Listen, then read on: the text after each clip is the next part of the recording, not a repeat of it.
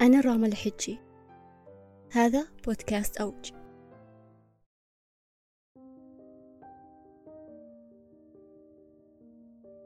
يا أهلا وسهلا. طيب اليوم ودي أقعد معاكم. نتكلم عن ريادة الأعمال.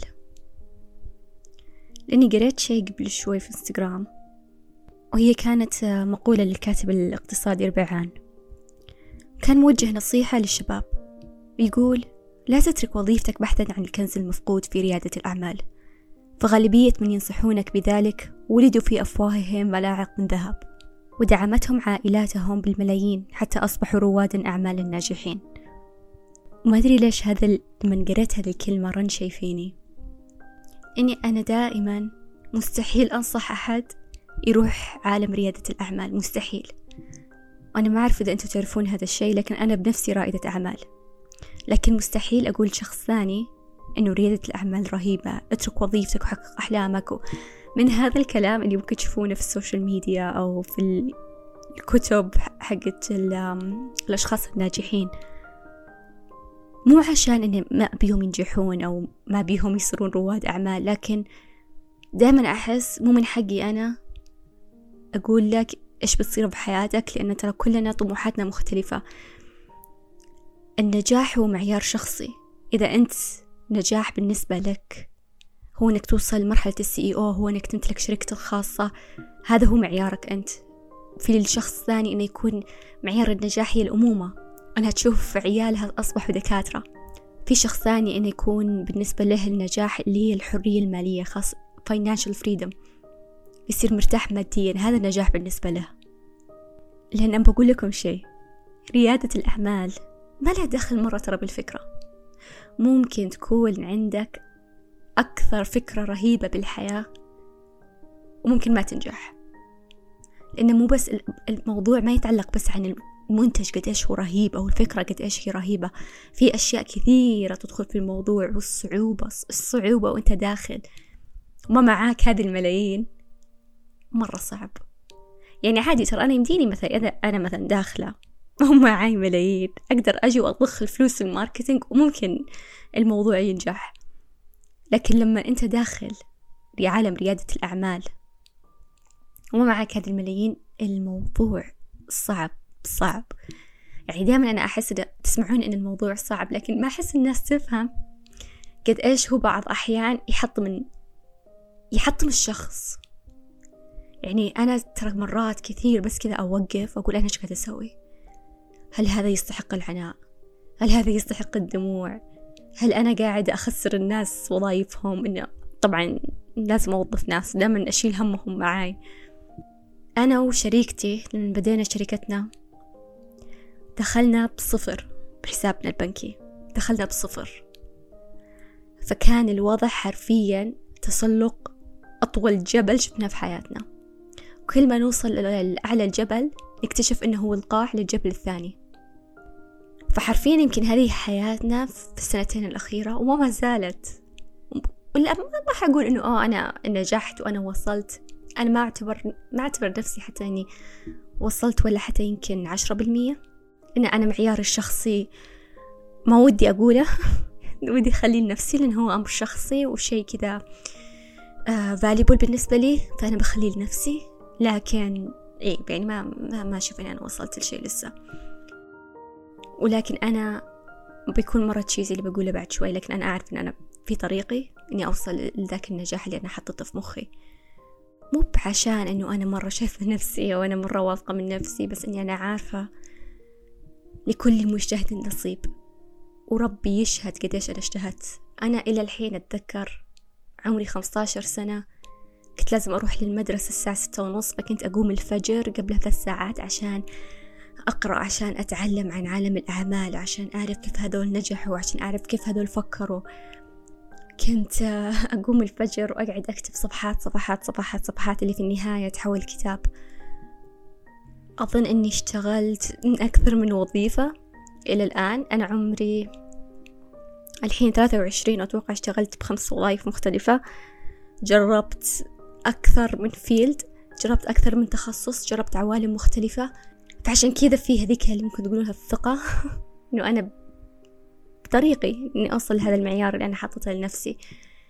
كنت دائما أردد الناس لكل مجتهد نصيب لكل مجتهد نصيب لكن دائما أقول كمان ريادة الأعمال مو كل أحد. فمستحيل مرة ثانية أقول لك مستحيل تلاقوني أحط في السوشيال ميديا شيء إني أقول إن ريادة الأعمال زينة أستقيل من وظيفتك مو بالكل أحد. ترى أنا ما أدري ليش صاير الحين في العالم أن يحسون الوظائف هو الشيء الغلط الوظائف مو بشيء غلط.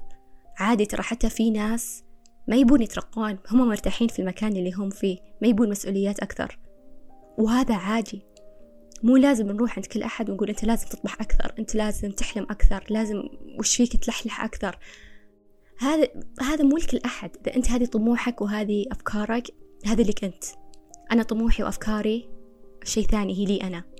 مو كلنا خلقنا العالم ريادة الأعمال. مو كلنا عندنا نفس الطموح. مو كلنا عندنا نفس الأفكار. جمالنا باختلافنا أصلا. فتخيلوا لو كل العالم تركوا وظايفهم كلهم صاروا رواد أعمال. طب مين بيشتغل؟ أو تخيلوا كل العالم صاروا موظفين وما في ريادة أعمال أو رواد أعمال. مين بيشتغل؟ فيعني الوضع صاير على ميزان ترى في ناس هم ما يحبون المدراء ما يحبون آه، يشتغلون الساعة كذا للساعة كذا.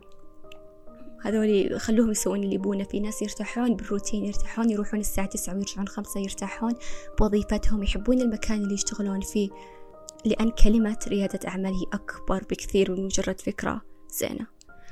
وأكبر بكثير من مجرد إني أستقيل من شغلي وأنا بشتغل على هذه الفكرة.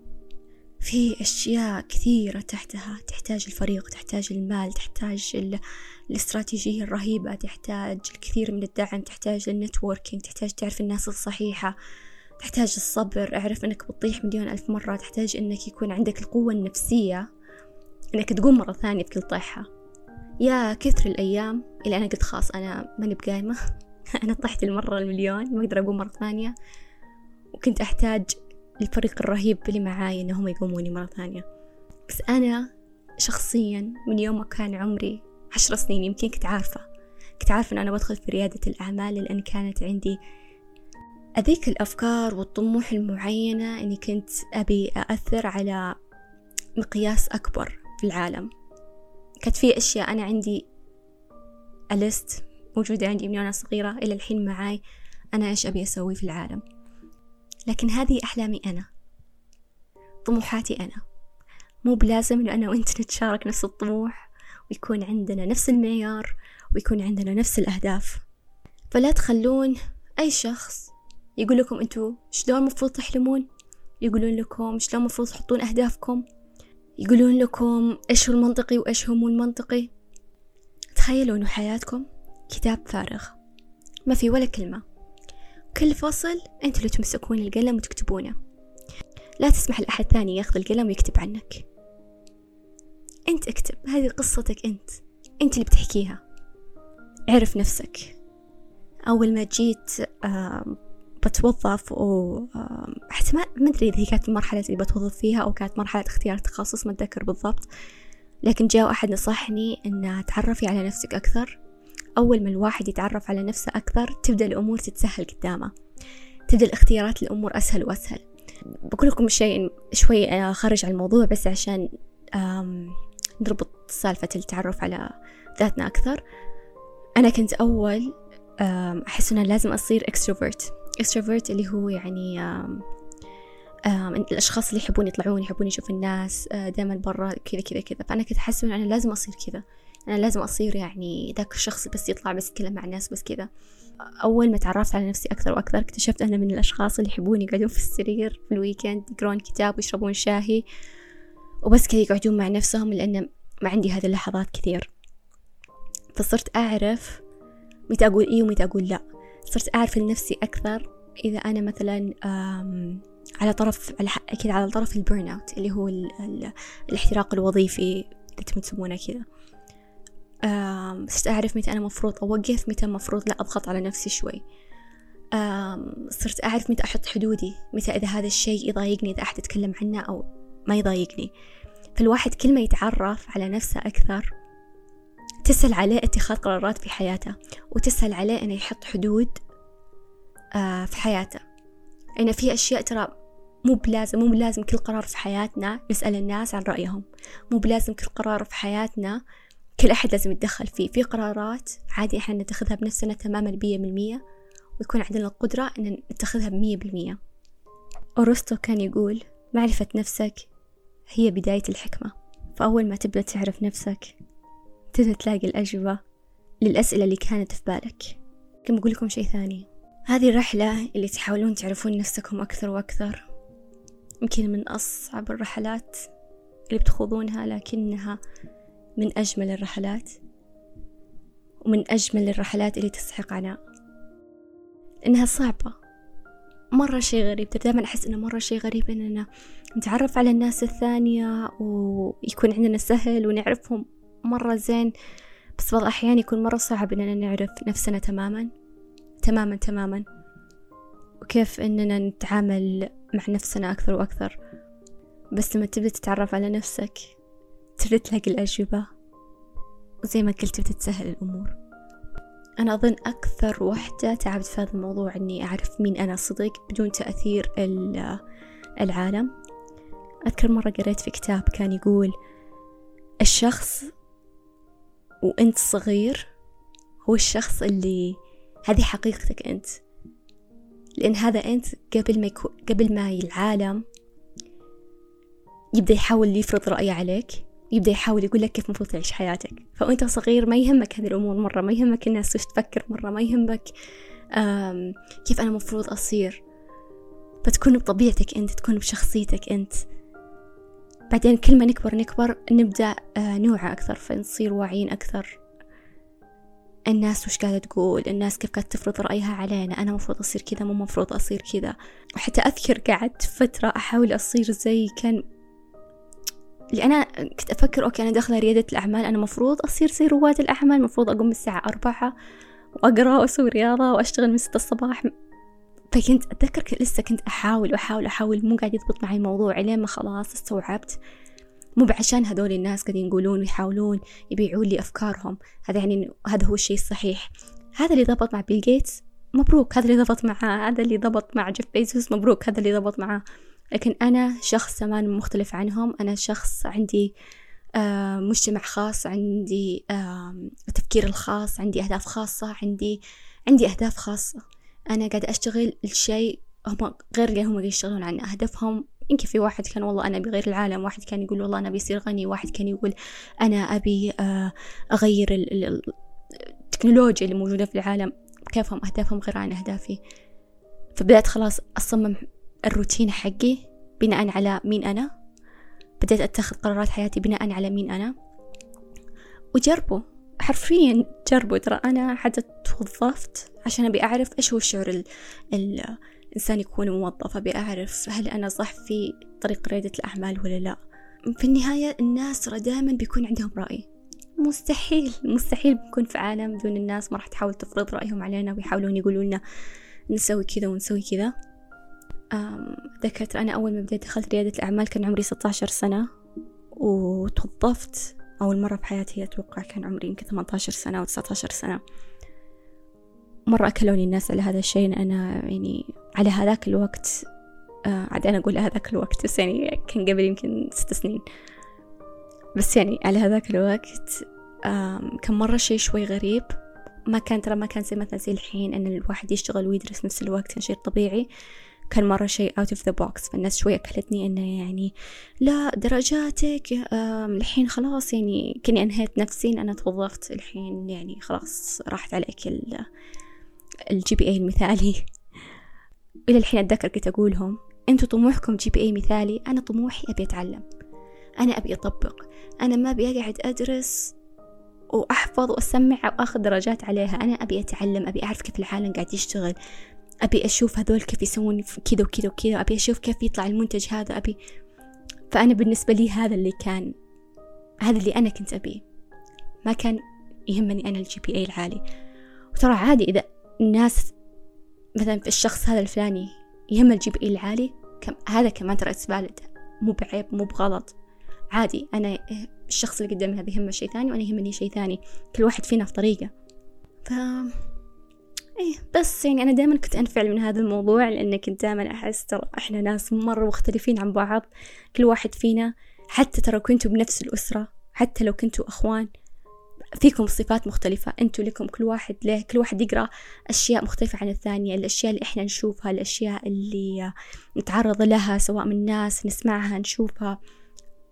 تبني خصال فينا تبني أشياء معينة فينا.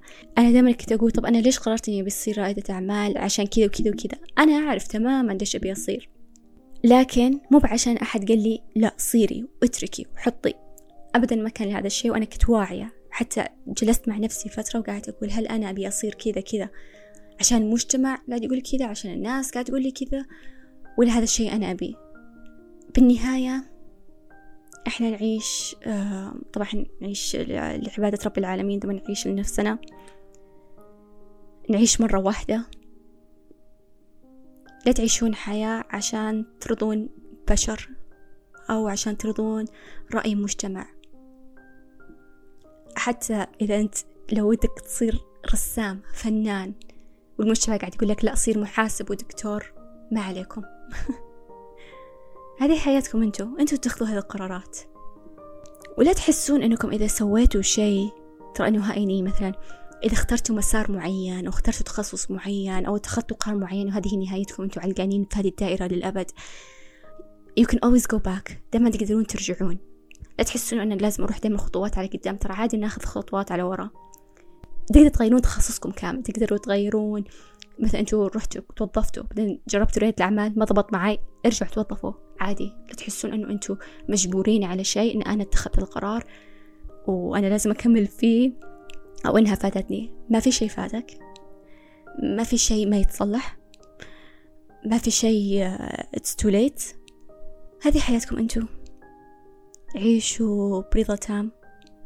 لا تحاولون إنكم تدورون رضا الناس بس حاولوا تدورون رضا نفسكم عن ذاتكم وعن الحياة اللي أنتم قاعدين تعيشونها. بس لأن في النهاية ترى كلنا نبي نعيش بذاك السلام اللي فينا. نبي نقوم وحنا مرتاحين وننام وحنا مرتاحين. تعرفوا على نفسكم أكثر. استمعوا لنفسكم أكثر. وتعلموا عن نفسكم أكثر.